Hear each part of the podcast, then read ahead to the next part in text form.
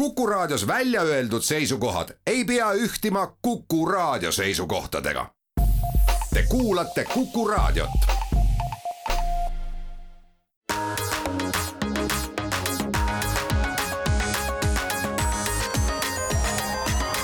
digitund tere hommikust, on esmaspäev, kahekümne üheksas august ja käes on Digitunni aeg. Stuudios on meil nagu tavaliselt Mait Tafenau, Indrek Vaheoja ja mina olen Andrus Raudsalu. ja saate teises pooles liitub meiega ka Jüri Pihel, kellega me räägime sellest, kuidas siis tehisintellekti abil Eestis vanu filme ja telesaateid täiesti uueks tehakse. aga nii nagu tavaliselt, alustame ikka uudistest ja möödunud nädalal olid meil jällegi sellised küberründe uudised, mis ei ole rõõmustavad. nimelt siis neljapäeval, reedel Eesti suuremad meediaportaalid sattusid teenustõrkerünnaku alla, nii et vist nii Postimees kui Delfi olid ka mõnel hetkel isegi kasutajatele kättesaamatud. õige vist isegi oleks öeldud, need ründed olid terve nädala, aga neljapäev-reedel jõuti siis rünnatega siuksesse seisu, kus äh, ka kanalid olid pikali ja, ja ma saan aru, et noh, see töötas ka mõlemat pidi, et, et ka kontorites võib-olla oli ebamugav tööd teha ja nii edasi, eks. ja no reede hommikul ikkagi kuuest, kui mina tööle tulin, siis ei saanud ei Postimehe, mm, Delfi ega ka Õhtulehe veebiplatvormidele ligi, et noh, need sellised põhilised Eesti uudiseid kajastavad äh, kohad olid, äh, olid täitsa maas niimoodi, et äh, ei, alguses ei olnud midagi ja kuskil noh, seitse nelikümmend viis või umbes seal veidi enne kella kaheksat, siis, siis tuli Postimehes või noh, ligipääs Postimehele Postimehele taastus. vahel on inimesed küsinud, et, et noh, miks siis nagu rünnatakse nagu meediakanaleid, et noh, et rünnake riiki, riigiteenuseid, eks ju, aga noh, tegelikult tihti võib-olla tavaliselt inimesed ei mõtle selle peale, et info ühiskonnas, info liikumine on ütleme ühiskonnas üks alustaladest, eks ju, ja kui ja meediakanalid on maas, eks ju, siis lihtsalt äh, probleem on teistpidi nagu palju suurem, et info ei liigu. see, see muidugi on teiselt poolt, ma arvan, ka sellise iseenda nagu võimekuse kontroll, sellepärast et, et noh, kõik need meediakanalid, ütleme, et Delfi ja Postimees on ikkagi nagu Eestis selgelt kõige rohkem koormust saavad veebirakendused, et noh, me võime küll arvata, et pankadel on väga keerulised veebirakendused, aga nende kasutatavus on oluliselt väiksem, see infomaht, mis seal liigub, on oluliselt väiksem, et noh, et kui ikkagi on või noh, kui sul õnnestub äh, pikali kukutada Postimees või Delfi Äh, siis tähendab see seda, et sinu ikkagi noh, jõud on suur, on ju. ja, ja teistpidi mõttes on see, et see just häiribki tavainimest, kes äh, siis ütleme, on harjunud hommikul kohvi kõrvale, võtab uudisteportaali lahti, loeb sealt äh, pealkirjad ära, võib-olla klikib, klikib ka millelegi peale, eks ole, et see on väga konkreetne moodus, kuidas inimestel noh, päev on, päeva algus on ju rikutud, sa ei saa oma sellist lemmikinfovoogu kätte. see, kui on mingi tallinn.ee lehekülg maas, kust noh, mingeid teenuseid saab, see kotib inimest ütleme hommikul kell seitse igal juhul vähem ja aga lähme siit edasi äh, ühe oluliselt positiivsema uudisega. et äh, nimelt siis äh, Starlink lasi Eestis hinnad alla ja lausa poole võrra, nii et noh, ütleme, et tuleb kaasa tunda kõikidele neile, kes kes siis äh, agaralt kohe esimeses äh, otsas Starlinki endale ära tellisid, aga, aga noh, iseenesest ka kõikide nende jaoks ikkagi kuumaks läheb madalamaks, nii et äh, täna siis ma ütleks, et see, mis see kuumaks on siis? Kuuskümmend eurot, eurot jah, et see on ikkagi sellisel tasemel, et noh ma arvan, et konkureerib täiesti võrreldavalt noh, ütleme, et äh, operaatorite mingisuguste internetipakettidega, nii et loodame, loodame siis hinnasula. kusjuures eriti äge on see, et nad lasid alla ka selle RV paketi ehk siis see, et sa saad selle kuskile kaasa võtta, nii et viisteist eurot juurde ja ränd ringi pane Saksamaale, lähed Hispaaniasse kohtadesse, kus võib-olla ei ole 4G, 5G nii heal tasemel, paned oma internetiga muu seas ainult viisteist euri ekstra, väga ja. äge kusjuures arvestades seda, et kui sa peaksid, eks sellesama noh, kuna see ju kehtib kontinendi piires, eks, et kui sa peaksid Euroopa Liidust näiteks välja minema äh, ja noh, siis on sul võimalik läbi oma Starlinki ju sisuliselt noh, ma ei tea, läbi Whatsappi või, või Messengeriga telefonikõnesid pidada. mis tähendab seda, et jäävad ära kõik need üllatavad roaming'u hinnad on ju, mis siin nagu siis tagasi tulles võivad, võivad nagu noh, ütleme rahakotti päris kõvasti röövida on ju kusjuures minu arust see on hea näide, et kuidas nüüd täna on võimalik siis nagu tõesti kontinendil mugavalt ringi liikuda, et 4G, mis Euroopa Liidust justkui Euroopa Liidu need EU paketid tulid, peaks olema just siuksed teenused, mis võimaldavad sul seda internetti tarbida, kus sa tahad, aga, aga nad on ikkagi nagu piiratud kuidagi niisugune. no loodus päris... seab ikkagi omad äh, normid ja tingimused vahele. no sul... isegi ütleks just see äri, äri pool, et noh, hinnad ja, ja see mahud, mis sa sealt kaasa saad, aga noh, antud juhul Starlink tuli ja tegi selle, mida me tegelikult sellest teenusest ootasime, ehk siis ma päriselt võtan oma teenuse sinna kaasa, kus ma olen ja tarbin seda samas, samal kujul nagu kodus. jah, ja, ja, ja, ja mis on ikkagi äge, ei ole mingit roaming ut, eks mm, -hmm. et, et sul on lihtsalt noh, üks kindel hind on ju. ja noh, arvestame nüüd sellega, et, et Starlink on ikkagi alles oma teekonna alguses, noh, mis tähendab seda, et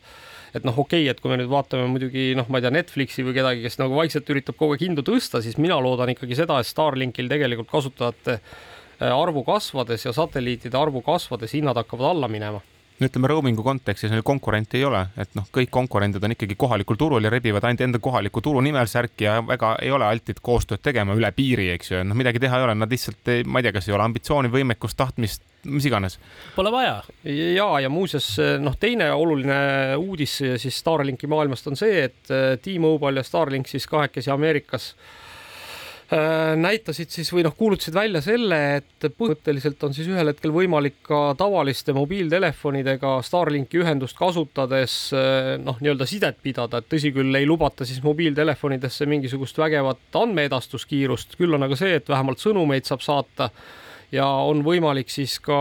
kõnesid teha. Noh, mis ei ole iseenesest suure andmemahuga teenused. See tähendab siis seda, et sinu tavaline nutitelefon on ühenduses otse siis satelliidiga, et sealt mul ei pea olema, eks ole, see Starlinki teenus seal vahepeal jah, tegelikult ja, oli ja. nii kirjas ja, ja väidetavalt ei ole sul vaja ka väga uut telefoni, et täitsa samadel sagedustel. Needsamad, mis meil enam-vähem kõigil taskus või laua peal on, nende samade telefonidega peaks tulevikus. aga elame-näeme. see, see täna... muidugi tundub natuke, natuke ausalt öeldes minu jaoks tundub natuke müstilisena ikkagi, et, et ma ei ole, noh, kas tõesti see telefoni antennist tulev nagu signaal ikkagi nii kõrgele, kui see satelliit on nagu Ulatub, rändab, aga noh mine tea, eks, et, et, et noh, ega teadupärast need Starlinki satelliidid ka väga kõrgele ei lenda, eks, et, et selle tõttu neid nii palju ongi vaja aga no iseenesest jällegi, et, et me oleme täiesti uue nagu ajastu künnisel ja noh, mis on, mis on siin ka väga huvitav, et noh, ma nüüd hakkan noh, just mõtlen, et, et kuidas see Elon Muskil see mõte üldse on tulnud, et, et kas ta siis, kas see on tulnud kuskilt Tesla autodest, sest nagu ma saan aru, et ka Starlink ühel hetkel on ka kõik Tesla autod Starlinkiga ühendatud, et noh, et sul tekib nagu niisugune võrgustik, võrgustik, eks on mm -hmm. ju et, et noh, päris, päris põnev, kuidas asjad arenevad, aga ma arvan, et ühe asja me peame veel ära õiendama siis kuulajate jaoks on nimelt see, et eelmisel nädalal tuli uudis sellest, et, et maailma kõige populaarsem siis äh, salasõnade haldur LastPass on ära häkitud. noh, mille peale tekkis kohutav paanika, sellepärast et esimene asi, noh, kõik ju mõtlevad selle peale, et kas minu salasõnad on nüüd kõigile teada, siis siis noh, ütleme, et praegu teadaoleva info põhjal siis ikkagi häkkerid lihtsalt varastasid ära LastPassi äh, lähtekoodi, mis tähendab seda, et noh, neil on võimalik siis äh, noh, põhimõtteliselt ehitada oma LastPass või, või seda kloonida kuidagi või kasutada seda koodi ära, aga aga teadupärast vist ühtegi parooli kaduma kuskilt ei läinud, sest neid ikkagi ei hoita seal lähtekoodiga koos. No lähtekoodi lekkimise kõige suurem risk on alati see, et kas lähtekood sisaldas mõnda tehnoloogiat, mille abil see siis unikaalselt ära peidetakse ja annab võib-olla häkkerile võimaluse avastada siis läbipääse sinna kohtadesse, kus ta ei peaks teadma, et see nii võib käia, eks ju, noh igas koodis on alati ju nõrkused, eks ju, ja ja, ja lihtsalt avatud lähtekooliga on oluliselt kergem neid nõrkuseid sealt ka üles leida. aga noh, igal juhul hetkel täna veel suurt muretsemispõhjust ei ole, aga, aga kindlasti on see oluline sündmus no öeldakse, et siis ühe ettevõtte arendaja konto kaudu saadi siis ligipääs sinna. et noh, tundub suhteliselt loogiline, kõige nagu lihtsam ja mõistlikum ikkagi läbi inimese no keegi ütles kunagi siuksed kuldsed sõnad, et küsimus, kõik andmed, mis on internetis, et küsimus ei ole, kas häkitakse, vaid millal, millal häkitakse. aga no eks me peame jooksvalt ka kogu aeg selle kaitsega sellepärast just tegelemagi, et tehnoloogia areneb ja, ja, ja, ja ka need viisid, kuidas rünnatakse, arenevad, et, et kui sa ulohakile jätad, siis kohe oled sa eilses päevas ja, ja oled ohvriks valmis. ja, aga kõige positiivsem selle asja juures on noh, nii palju, kui saab sellises äh, parooli äh, haldava mm, paroole haldava rakenduse häkkimises positiivselt olla, on siiski see, et need kolmkümmend kolm miljonit kasutajat siiski võivad ennast suhteliselt äh, kindlalt praegu tunda, et momendil meil ei ole teada, et, et oleks midagi siis äh, lippama seal läinud, mingit informatsiooni. Nii, kuulge, aga siinjuures veel tahaks äh, õnne soovida siis Timmu Tõkele ja, ja Eesti startup'ile nimega Ready Player Me, kes möödunud nädalal teatas sellest, et nad on tõstnud oma järjekordse rahastusraundi täiesti ikkagi märkimisväärses summas, viiskümmend kuus miljonit dollarit ja mida siis juhtis fond nimega A16Z, ma ei tea, kus seda isegi hääldatakse, noh, kunagine Andreessen Horowitz kes täna hästi palju panustab ikkagi metaversumi nii-öelda startup'ide toetamisse või, või sinna investeerimisse. ja noh, kes ei tea, mida Ready Player Me teeb, siis noh, te kõik olete ilmselt juba sellest aru saanud, meie kuulajad, et, et kui sa kuhugi metaversumisse kolid, siis on sul vaja seal avatari kes sind siis esindab, noh, me teame näiteks, et Facebooki avatarid on suhteliselt mannetud, neil ei ole jalgu ega ka käsi, on siuksed pulgakesed, millel on pead otsas. ei, vabandust, käed ikkagi on, käed, käed on, on, käed, käed kaovad ära ainult siis, kui sa kellelegi liiga lähedale lähed mm, -hmm. et mhm. käperdada ei saaks aga, aga Ready Player Me teeb siis selliseid korralikke, päris äh, ikkagi nagu ägedaid, äh, noh, ütleme, ma ei tea, filmist nähtud nagu avataride moodi nagu niisuguseid siis avatare, keda, keda on võimalik siis ühest metaversumist ka teise transportida, noh, mis tähendab seda, et sa ikkagi noh, nii-öelda arendad välja oma noh väljanägemise ja siis ja sa oled igal pool samasugune just. ja, ja, ja täna on neil juba üle kolme tuhande partneri siis erinevate nagu äh, progra-, noh, mängude ja metaversumite näol, kus siis nende avatare kasutada saab ja umbes viis miljonit kasutajat, nii et üks järjekordne Eesti startup, kes siis põhimõtteliselt ikkagi on maailmas saavutanud noh, ütleme, et ma ütleks juhtiva rolli on ju, et, et tubli töö. aga siitkohalt lähme nüüd reklaamipausile ja oleme juba hetke pärast tagasi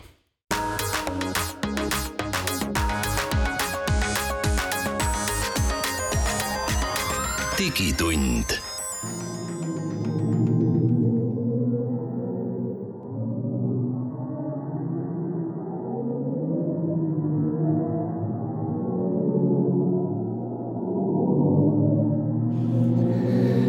head Kuku raadio kuulajad, Digitund on tagasi oma teise veerandiga ja see, mida te just kuulsite, ei ole saate viga.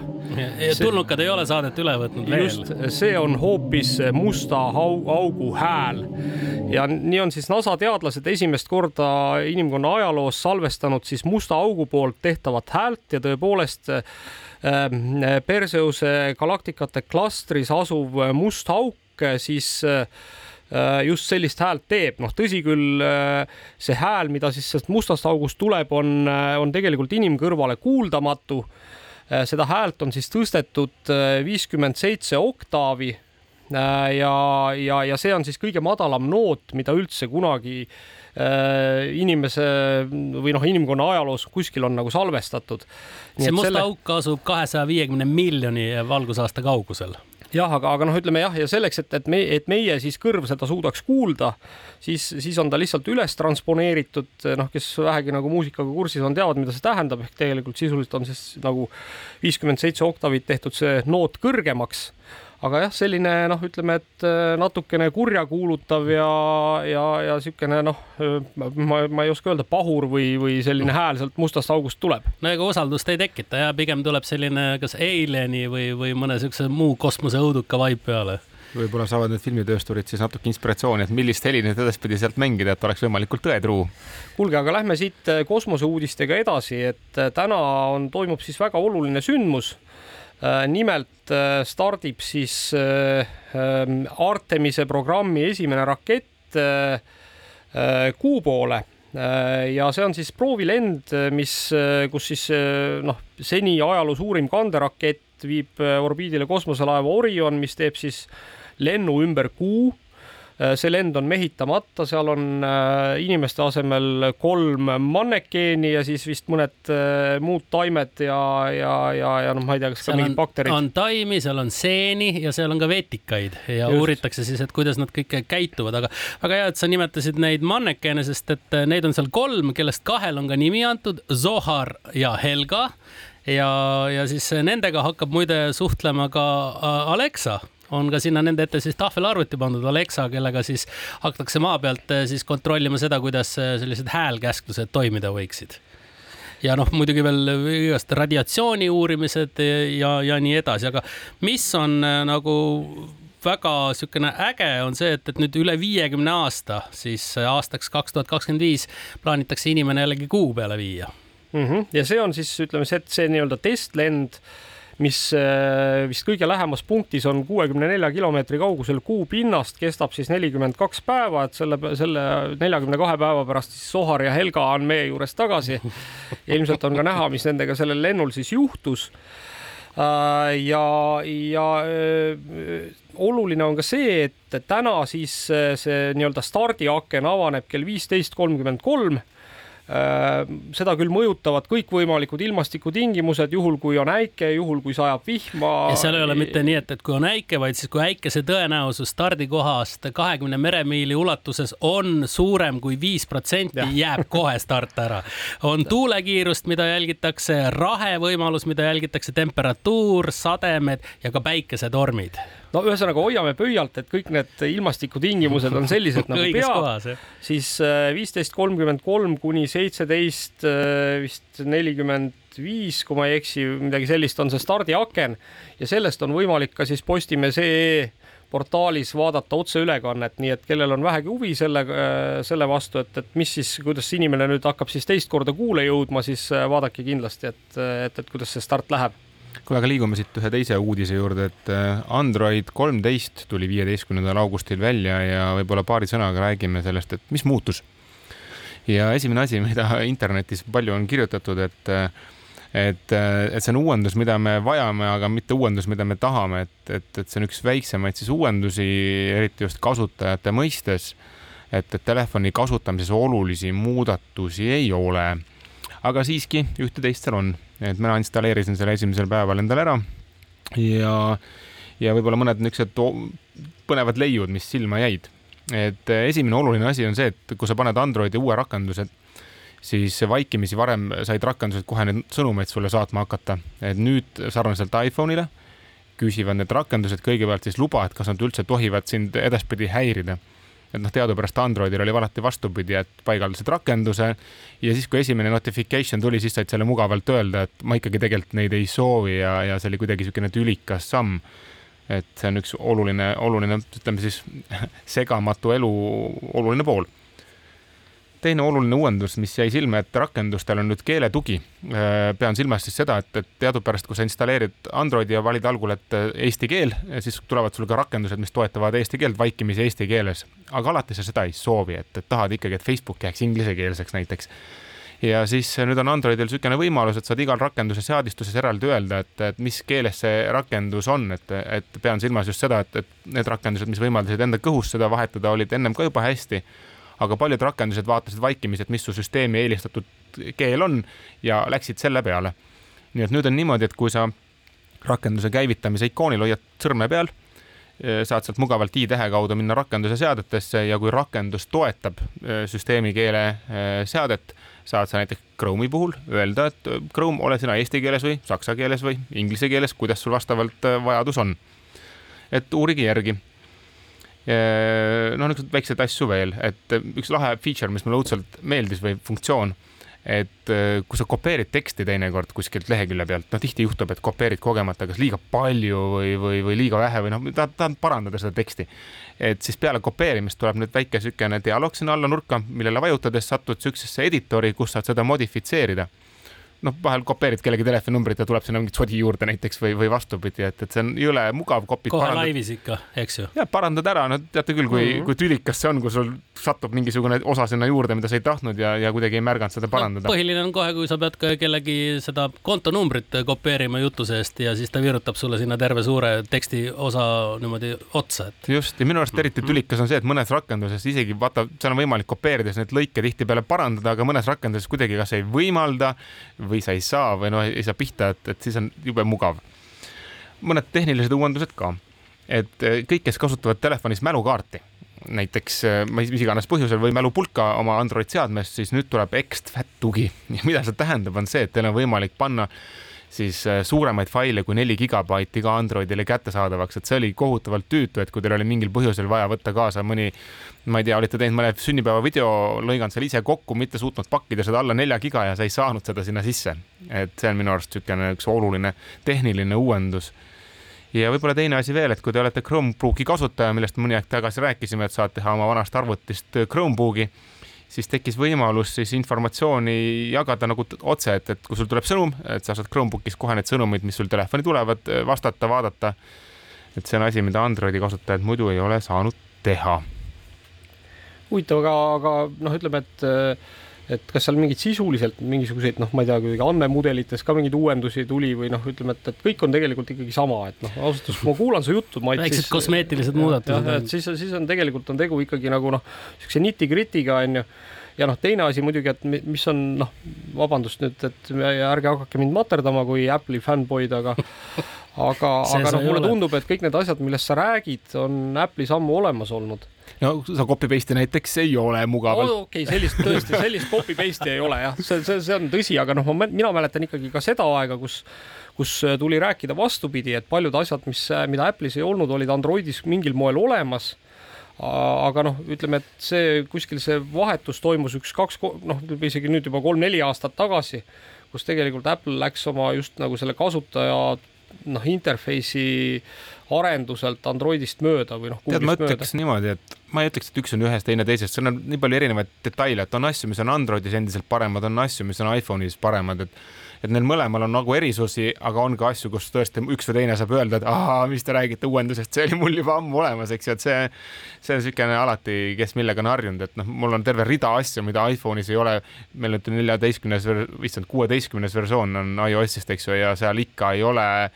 näiteks mugavat kontakti otsimist, et noh, see on kohutavalt tülikas, mis oli olemas juba enne Androidi ja iPhone'i aegu üldse, näiteks Windows Phone ides, et ma sain numbri klaviatuuri peal vajutades kolme numbrit, complete ida nende sobivate tähtedega nime näiteks, et niisuguseid mugavaid otsinguid noh, noh, väga palju asju, mida tegelikult saaks veel parendada kasutajakogemuses aga tead, enne seda, kui me siit reklaamipausile lähme, ma räägin Apple'i eh, siis töökorraldusest ka paari sõnaga, mis on nüüd eh, välja siis öeldud, et eh, Apple'i peakorteri lähistel siis Californias töötavatele inimestele anti teada, et kui nad muidu suvisel ajal võisid siis ainult kahel päeval kontoris olla, ülejäänud ajal siis kodus tööd teha, siis nüüd alates septembrist on nii, et peavad nad olema tööl kolm päeva. teisipäev ja neljapäev on kindlad päevad, kui sa pead kontoris olema ja siis ühe päeva saad ise valida selle peale meenub mulle üks Elon Musk'i lause kuskilt suve algusest, et et Teslas on väga okei okay,, kui inimesed töötavad kodust, peaasi, et nad nelikümmend tundi vähemalt oleks kontoris. Muul ajal, muul ajal võid vabalt kodust töötada nii palju, kui tahad, eks kätt keegi ette ei pane. kuulge, aga ennem kui me veel läheme reklaamipausile, ka viimane tore uudis Eestist, nimelt möödunud nädalal Elmo Rendi siis kaugjuhitav elektriauto tegi siis edukalt sõidueksami kas see tähendab, et ta saab nüüd Vahtralehega kaks aastat juba sõita jah, vot see mul on, mul, mul on küll tunne, et, et tõenäoliselt peavad Vahtralehe oma tooli külge panema need, need äh, kaugjuhid mm, -hmm. kes siis seal Elmo kontoris kuskil istuvad ja neid sõiduautosid juhivad ja, ja tõepoolest neil on siis täna vist äh, teadaolevalt äh, välja koolitatud kaks siis sellist kaugjuhti, kes on ära sertifitseeritud ja neid hakatakse koolitama juurde, nii et nii et varsti siis vuravad meie tänavatel ka need sõidukid siis sellisena, et, et kus juht istub kuskil äh, noh, arvuti taga. aga nüüd siit läheme reklaamipausile, juba hetke pärast oleme tagasi.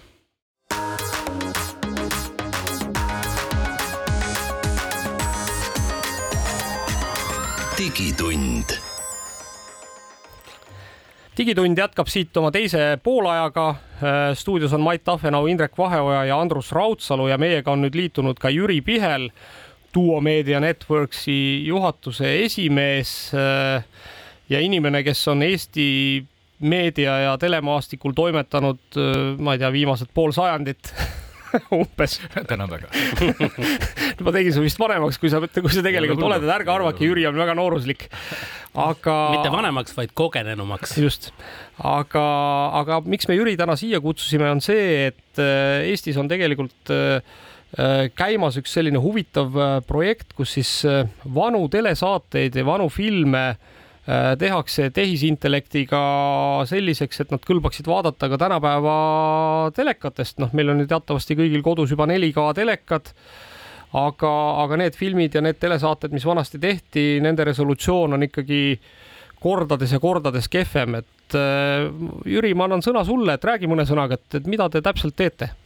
nojah, eks seal on neid probleeme ju ridamisi, vaata, üks asi on see, et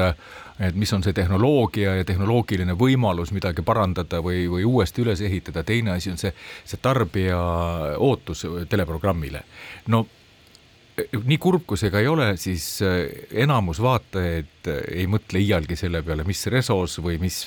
mitmepitist värvi ta vaatab või mida tahes. huvitav uuring oli aastat kümme tagasi, ma lugesin ja kahjuks ma ei oska seda allikat enam mäletada, aga oli selle kohta, et mida kõrgema resolutsiooniga pilt ja kui siis küsitleti pärast neid tarbijaid, see öeldi niiviisi, et seda rikkam kogemus tundus, seda pikem tundus film olevat et kui, kui oli väga kõrge resolutsiooniga, väga ütleme, hea värvisügavusega, siis kirjeldati seda äh, kogemust sellise põhjaliku, pika ja sellise ähm, süvenemist nõudvana. ja mida nõrgemaks resolutsioon läks sinna kuhugi VHS-i peale välja oma paarsada rida ülevalt alla, et siis see läks nagu muuseas mööda.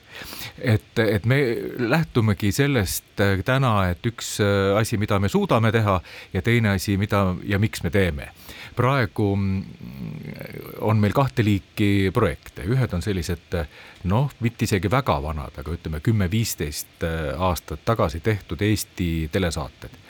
ütleme Kelgukoerad, kõige parem näide, kunagi oli väga popp teha, et ekraanile tavalisel neli kolm resolutsioonis, vabandust, neli kolm siis äh, pildi küljesuhtega äh, tavaekraanil teha laiekraani ehk siis salvestati ütleme küllaltki kehvadele, kehvade kaameratega, kehva äh, salvestusmahuga DV-lintidele see pilt oli üsna pehmekene, seal oli vähe värvi, ta oli väga mürane, aga omakorda ta oleks nagu äge, siis lõigati keset ekraani selline triiplai ekraani. ehk kui muidu selle standardresolutsiooniga pildis on see viissada seitsekümmend kuus täpikest ehk siis pikslit või rida ülevalt alla, siis sealt lõigati veel sada viiskümmend ära, nii et me oleme kusagil seal neljasaja, neljasaja kahekümne rea peal, noh, ütleme ausalt, ega seal väga palju infot ei ole, puhttehniliselt lihtsalt. ja noh, see vana SD pilt ka oli peaasjalikult mustvalge, mida siis ütleme, ütleme madala teravusega värviga lihtsalt pisut pintseldati üle. ja, ja see kõik kokku täna ekraanil, kui me läheme siis äh,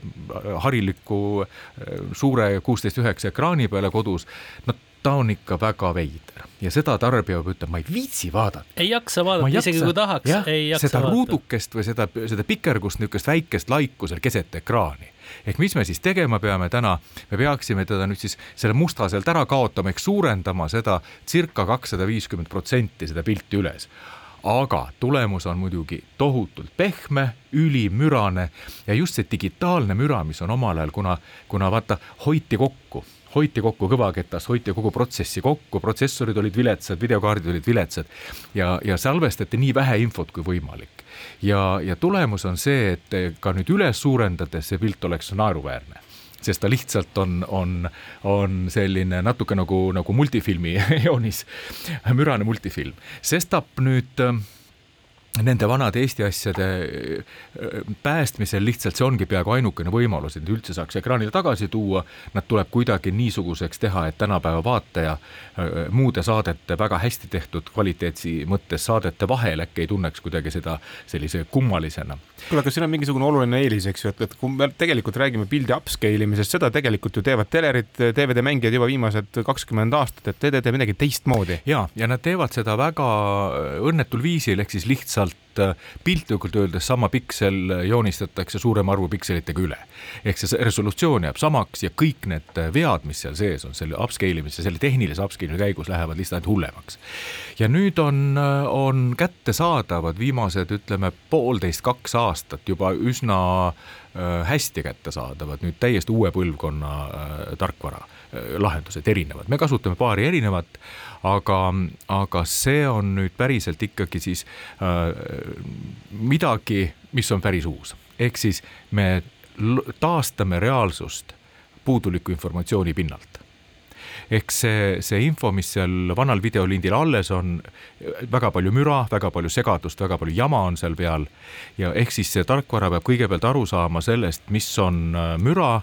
mis on kasulik informatsioon teiseks ta peab äh, pilti nii-öelda teravdades ka aru saama sellest, et mis on esiplaan ja mis on kunstlikult ette nähtud ebaterav foon. ja, ja neid selliseid äh, ülesandeid ja küsimusi on tohutult ja seda tegelikult tehniliselt ilma nüüd tehismõistuseta ei olekski võimalik teha ehk siis äh, igaüks teab, vaatate oma telefoniga, teete pilti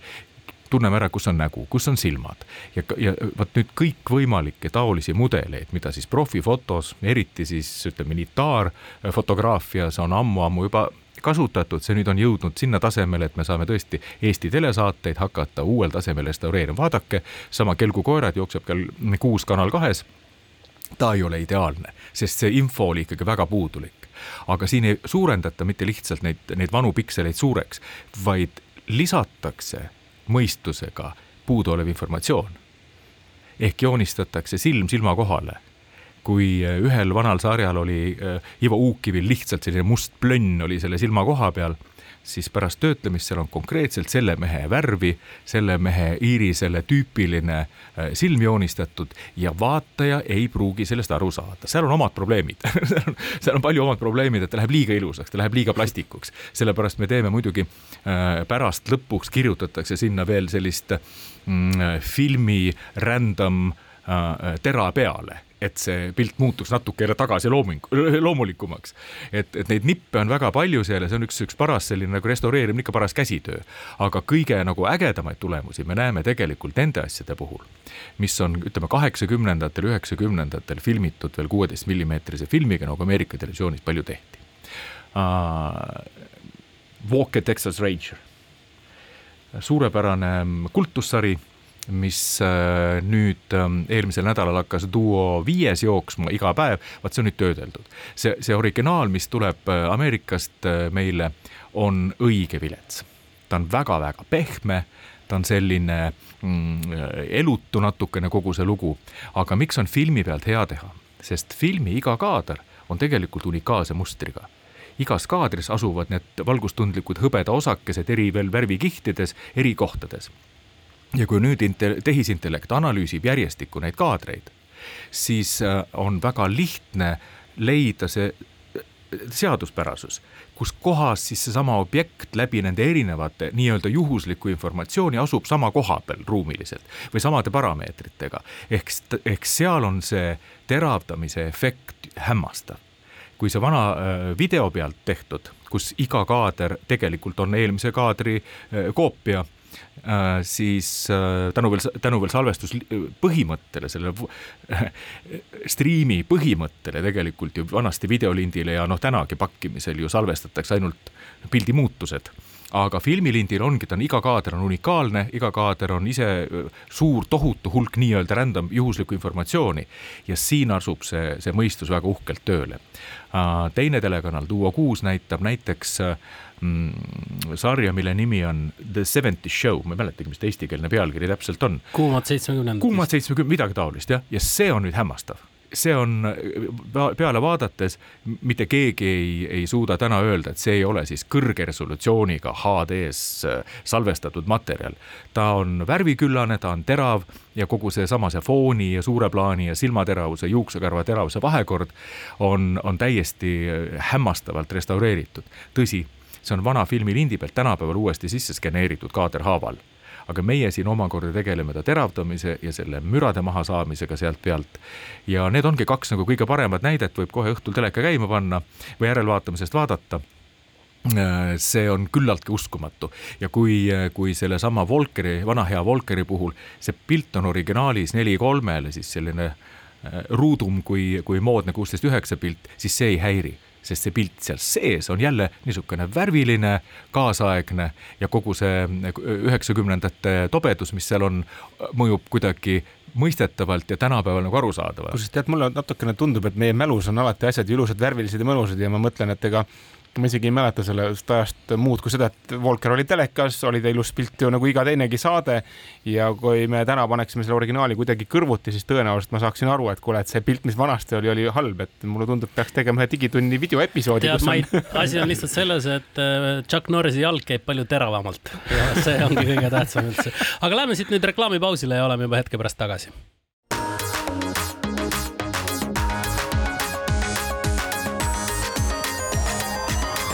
digitund. digitunni viimane veerand on äh, teiega. stuudios on Indrek Vaheoja, Mait Tafenau ja Andrus Raudsalu ja meiega on siin külalisena Jüri Pihel, kellega me räägime siis sellest, kuidas äh, kavalate tänapäevaste tehnoloogiate abil saab vanadest äh, suhteliselt koledatest ja udustest filmidest suurepärase vaatamisväärse kogemuse me rääkisime sellest, et, et on tehtud nüüd telesarju, et ütle, Jüri, kas,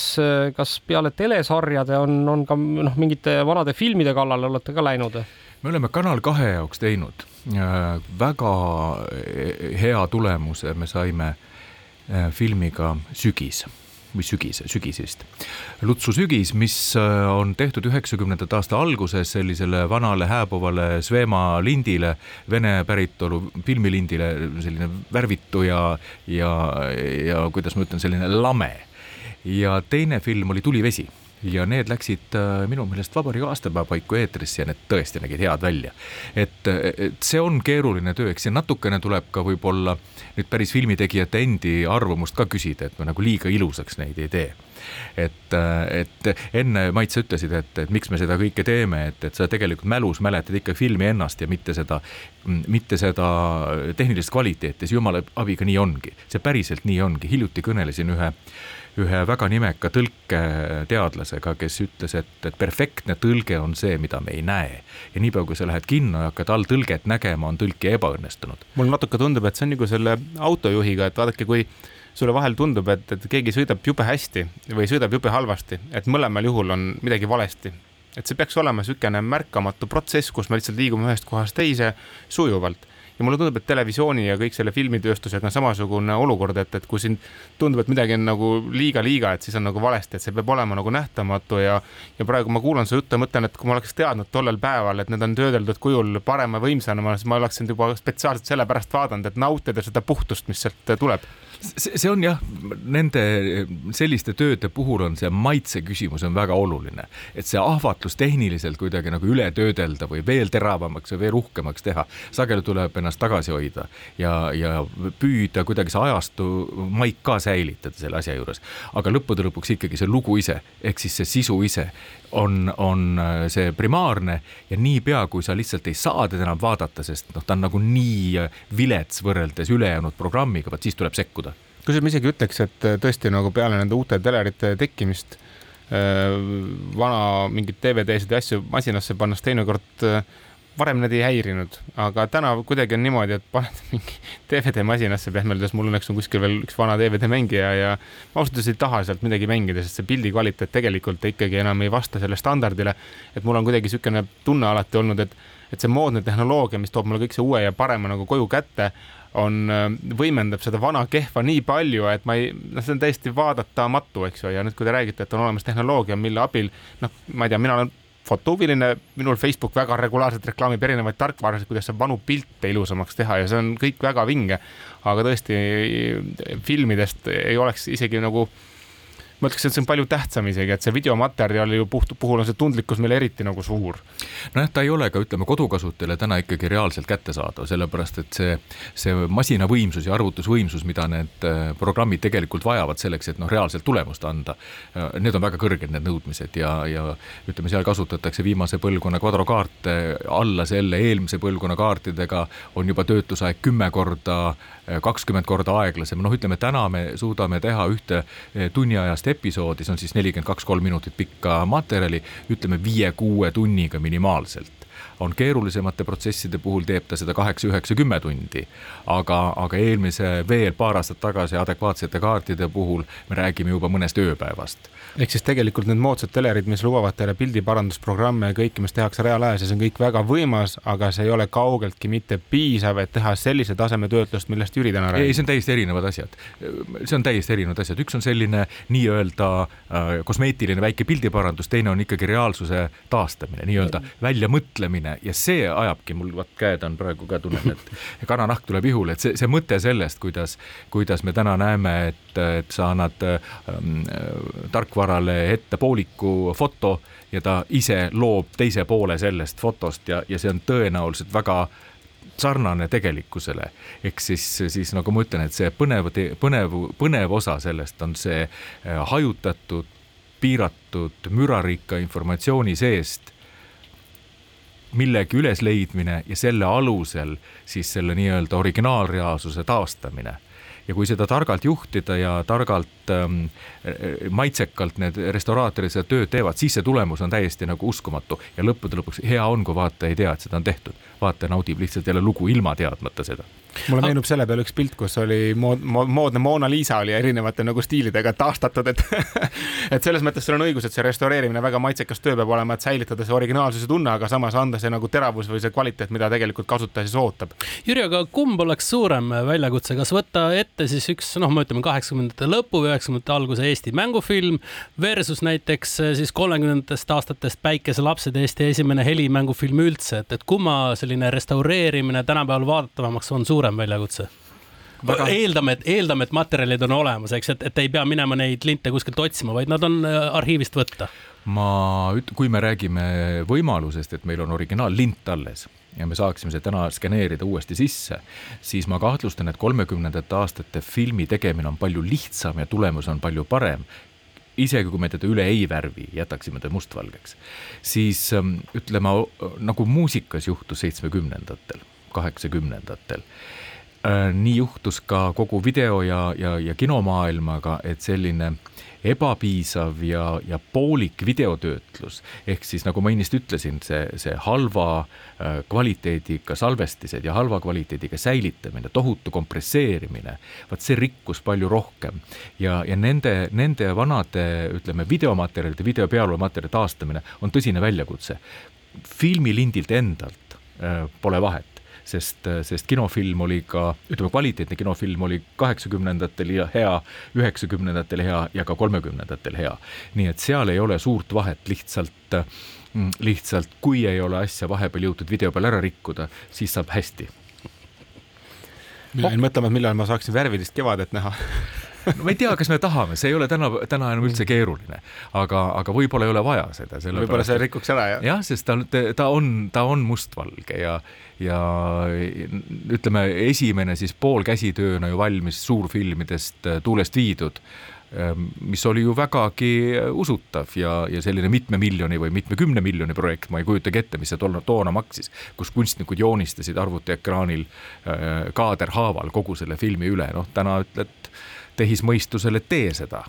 Aga Kevade puhul võib ka see asi ikkagi tekkida, et režissöör on ju praeguseks äh, elus veel, et tuleb ütlema sulle, et kuulge, mis te tegite. kuulge, mis te tegite, minu see film on mõeldud mustvalgena must..., ma olen selle niimoodi teinud, et miks te selle ära rikkusite? ei, absoluutselt, ma olen väga nõus sellega, et ei peagi rikkuma, ei peagi looma mingit uut äh, ja, ja tegema kuidagi paremaks, lihtsalt see kunagine tehniline käpardlikkus või see suutmatus, mis ei olnud mitte meestest, inimestest kinni, vaid kinni sellest, et tehnoloogiad olid puudulikud ja algelised ja vahepeal on viletsalt säilitatud, seda tasub küll taastada, sest kui ma vaatan asju, mida ma väikese tudengpoisina tegin ETV-s,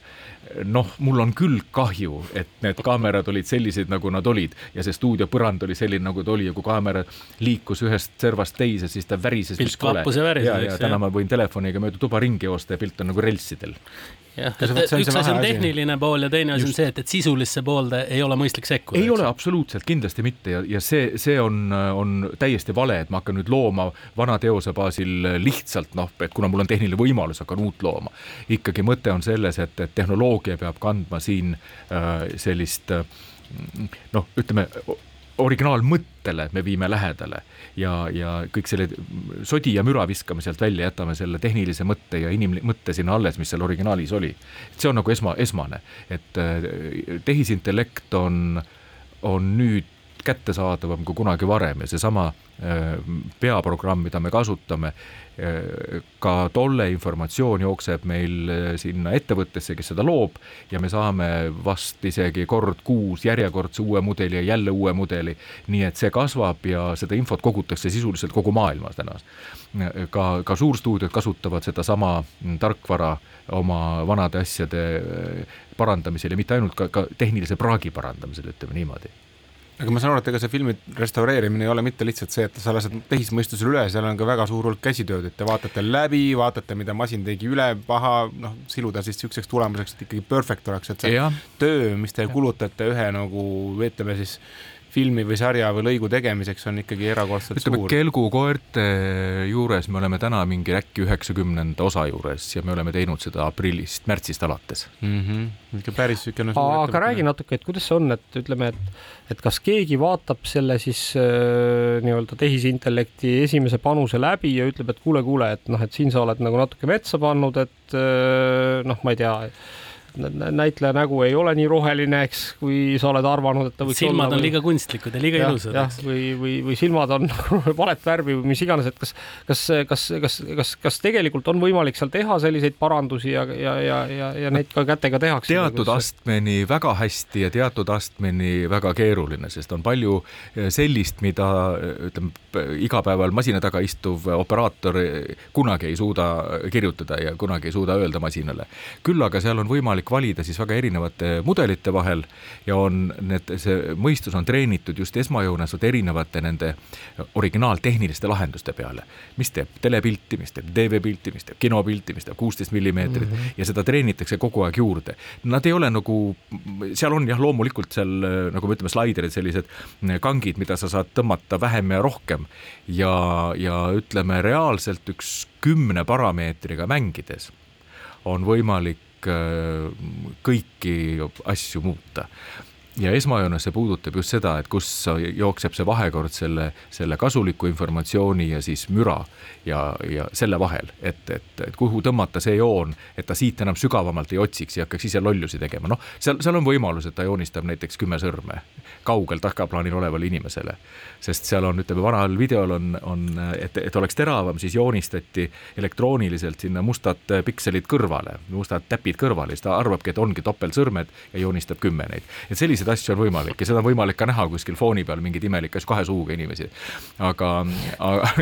aga siin peab operaator nüüd, nüüd ära tabama selle, siis tuleb tal see tundlikkus seal natuke vähendada, sest muidu jah. okei okay,, aga sa, aga sa ikkagi nii veel ei saa öelda, et kuule, et see kaks suud on nagu too much või? No, no sa saad jah, see, see mängitaksegi tundlikkuse peale, eks ole, ja seal teatud niisugust, et sa ütled, et oot-oot, lähme siit nüüd mööda. aga et liiga hulluks ei ole mõtet minna, aga, aga noh, seda, mis,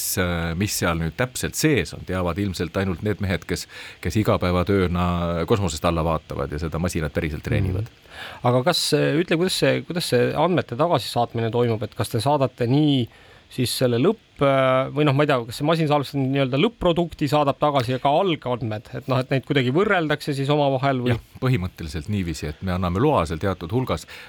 mitte videomaterjali, vaid ta siis ütleme, võtab mingi random kümme freimi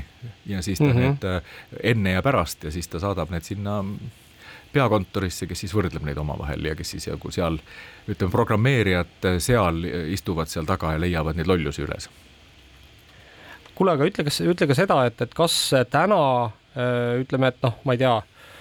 me teame seda, et, et näiteks ka Nõukogude aja lõpus, eks need kinofilmid, mis liikusid, olid suhteliselt kehva kvaliteediga, eks mõnikord see värv ei tulnud sealt välja üldse sellisena, nagu, nagu ta olema pidi, et noh, mina mäletan ise seda, et kui Tõnu Talivee kunagi Nukufilmis restaureeris siis Leida Laiuse ja Arvo Ihu Äh, naerata ometit, on ju, see Arvo Iho istus seal kõrval, eks, ja oli nii õnnelik, et noh, arvutis oli siis esimest korda võimalik tal tegelikult saavutada see tonaalsus, mida ta kunagi oli lootnud sealt filmi pealt saavutada, mida tegelikult inimesed kunagi kinos näinud ei olnud, sellepärast et noh, lihtsalt ei olnud võimalik sealt välja pigistada, et et kas täna ka teil sellist kogemust on, et istubki nagu elus olev äh, Äh, autor kõrval ja ütleb, et kuule, et, et noh, tegelikult ma arvasin, et see asi pidi hoopis selline välja nägema, et ja, mitte selline, nagu ta, nagu ta kunagi välja nägi. eks see nii käibki, ma ütlen, et seal on tegelikult sellel protsessil mitu astet, et on ka tavaline värvikorrektsioon, mis äh, järgneb veel sellele esmasele pildi taastamisele. Ja, ja noh, see on suurepärane, kui keegi viitsib frame haaval seal või kaaderhaaval seal kõrval istuda ja öelda, mida ta tahtis, jah, seda saab ikka teha. ütleme äh, tööstusena mitte, aga filmikaupa küll nii, aga Jüri, suur aitäh, et tulid meile külla, tutvustasid seda võrratut võimalust ja ma arvan, et Apollo tv-st saab vist sedasama sügist äh, näiteks ka vaadata, kellel huvi on, et visake pilk peale, aga Digitund tänaseks lõpetab, kohtume juba nädala aja pärast.